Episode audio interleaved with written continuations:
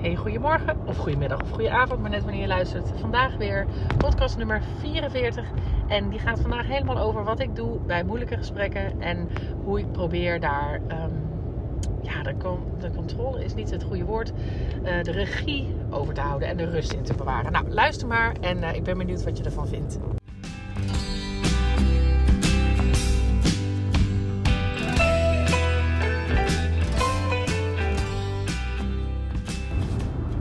Ja, lieve allemaal.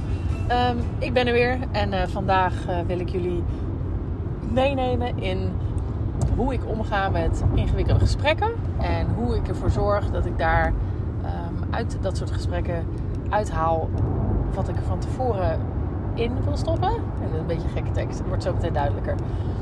Um, maar ik bedacht me ineens van de week dat ik dat eigenlijk bijna altijd doe bij gesprekken. of eigenlijk bij momenten of bij dagdelen. En uh, dat is wel gebaseerd op een aantal uh, nou, overtuigingen. Dus ik dacht, ik ga het delen. Wie weet heb je er wat aan. Um, wat ik altijd doe. Eigenlijk, um, als ik me er bewust van ben, doe ik het bij alles. Wat me over in een dag uh, gebeuren staat. Um, en Abraham Hicks noemt het segment intending. Hè? Dat is een, dus het intentie zetten eigenlijk op een segment van je dag. Heel simpel vertaald.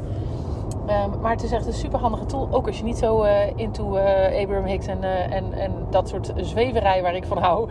Um, dan is het nog steeds een hele handige tool om, om eigenlijk meer regie te nemen over hoe je wil dat iets verloopt. En dat, dat is als volgt. Je hebt een.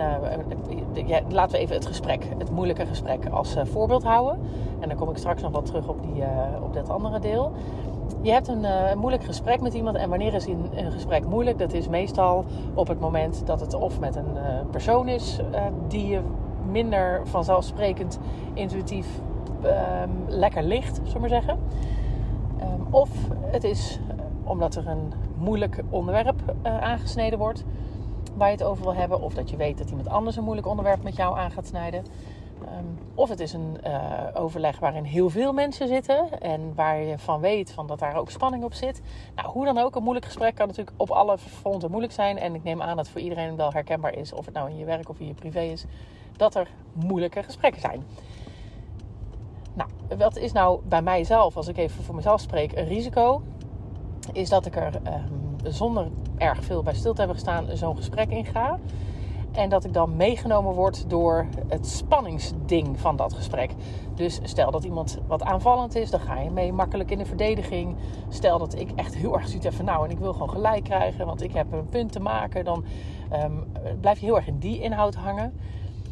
Of je reageert überhaupt op de dingen die gebeuren. Dus er komen spanningsprikkels voorbij en daar reageer je op. En je gaat zo'n gesprek vervolgens uit en dan denk je, kak, daar is niet gebeurd wat ik eigenlijk wilde bereiken.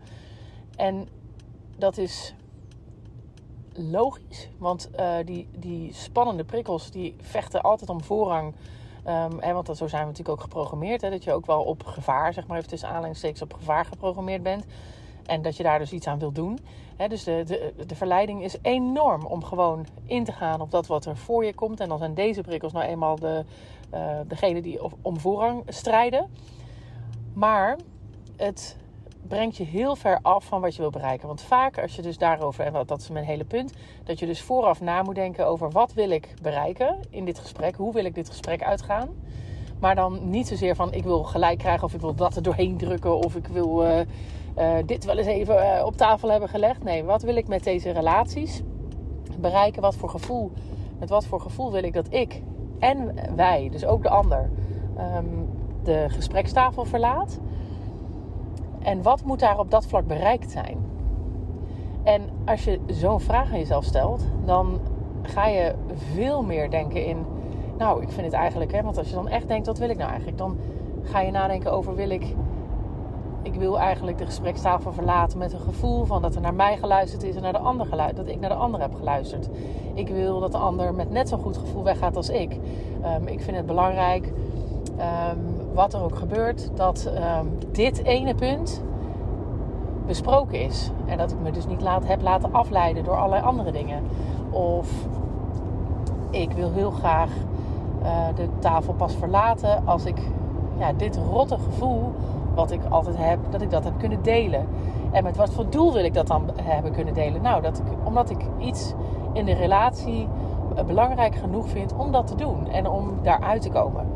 En als je op die manier over dit soort gesprekken nadenkt, met zo'n intentie daarbij, van wat wil ik nou eigenlijk bereikt hebben hierna, dan pak je gelijk die overstijging en zal je dat dus veel meer als een kapstok kunnen nemen in zo'n gesprek. Dus stel nou, ik ga een gesprek in en ik denk, oké, ik voel me altijd heel erg um, nou ja, uh, bekritiseerd door, deze persoon. Ik heb de neiging om in, in, het gesprek heel erg in de verdediging te schieten. Um, maar we moeten samenwerken, want het is een collega, ik zeg maar wat. Nou, dan zou ik van tevoren kunnen bedenken: oké, wat vind ik nou echt belangrijk? Nou, ik vind het eigenlijk wel heel belangrijk, maar dat is ook heel spannend, dat de ander weet hoe ik me voel. En dat we daar samen, van mijn intentie is dat we daar samen over hebben kunnen spreken, zonder dat ik me bekritiseerd heb gevoeld. Dus ik wil sterk genoeg zijn om het te kunnen zeggen, maar ook zonder vervolgens de ander te gaan bekritiseren. Dus ik wil heel erg dat samen gevoel van: hé, hey, we hebben gezamenlijk iets wat we op willen lossen, daarmee wil ik de tafel verlaten. Nou, als ik dat voor mijn ogen heb, dan, ga ik me dus niet laten verleiden. Ten eerste niet om het maar gewoon te vermijden om dit onderwerp te bespreken. Want ik weet, oké, maar dit was het belangrijkste onderwerp. Dus ik moet daar plek voor maken om dat te kunnen doen. Dus ik neem mezelf voor, zodra we gaan zitten, zeggen we: hé, hey, wat gaan we vandaag bespreken? Wat mij betreft is het bespreken van mijn gevoel rondom onze contactmomenten het belangrijkste item. Wat wil jij bespreken? Dat, oké, nou dan zorgen we die twee onderwerpen bespreken. Daarmee neem je gelijk regie en verantwoordelijkheid over dit is echt het belangrijkste. Geef je ook duidelijkheid aan de ander, dus ook daar valt het wellicht wat spanning weg. En je houdt voor ogen dat het niet je doel is om een of andere wedstrijd te winnen of om te vechten erover. Maar je doel was van tevoren om er samen uit te komen. Dus je gaat je ook gedragen alsof je dus er samen uit wil komen. In plaats van je te laten leiden door je impuls om bijvoorbeeld het gevecht aan te gaan. Of juist helemaal stil te vallen. Mijn, mijn eerste impuls is dan het gevecht aangaan, dus daarom zeg ik dat.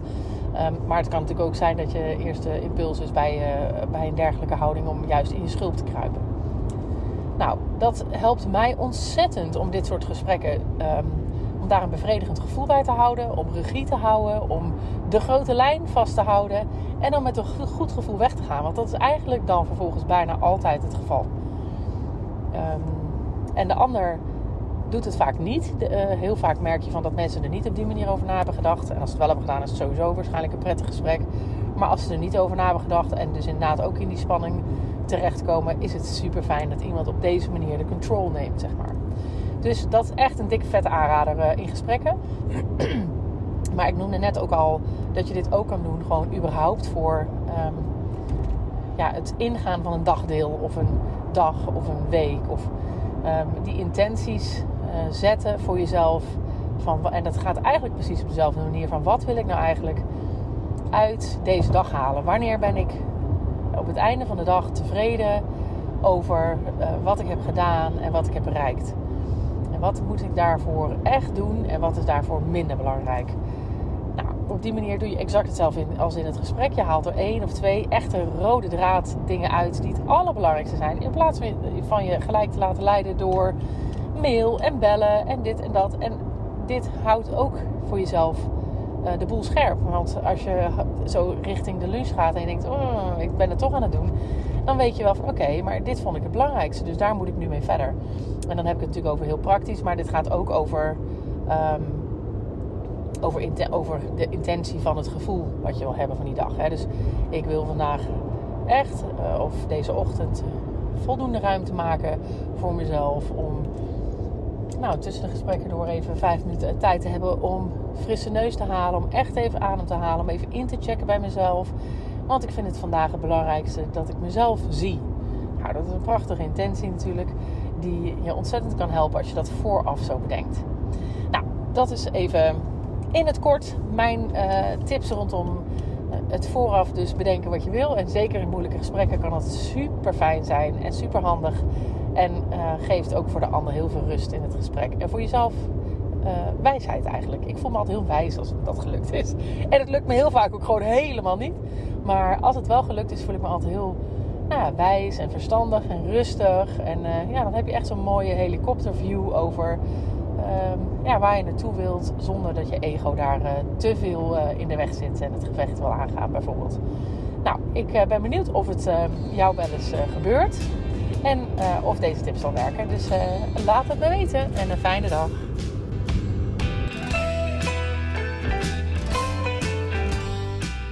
Mensen, dat was hem weer. Ik hoop dat je hebt genoten van deze podcast. En op naar de volgende uiteraard. Het zou mij ontzettend helpen als je de podcast zou willen delen op social media. Zoek me op op Instagram en Facebook onder Juke Stellinga. Tot de volgende keer.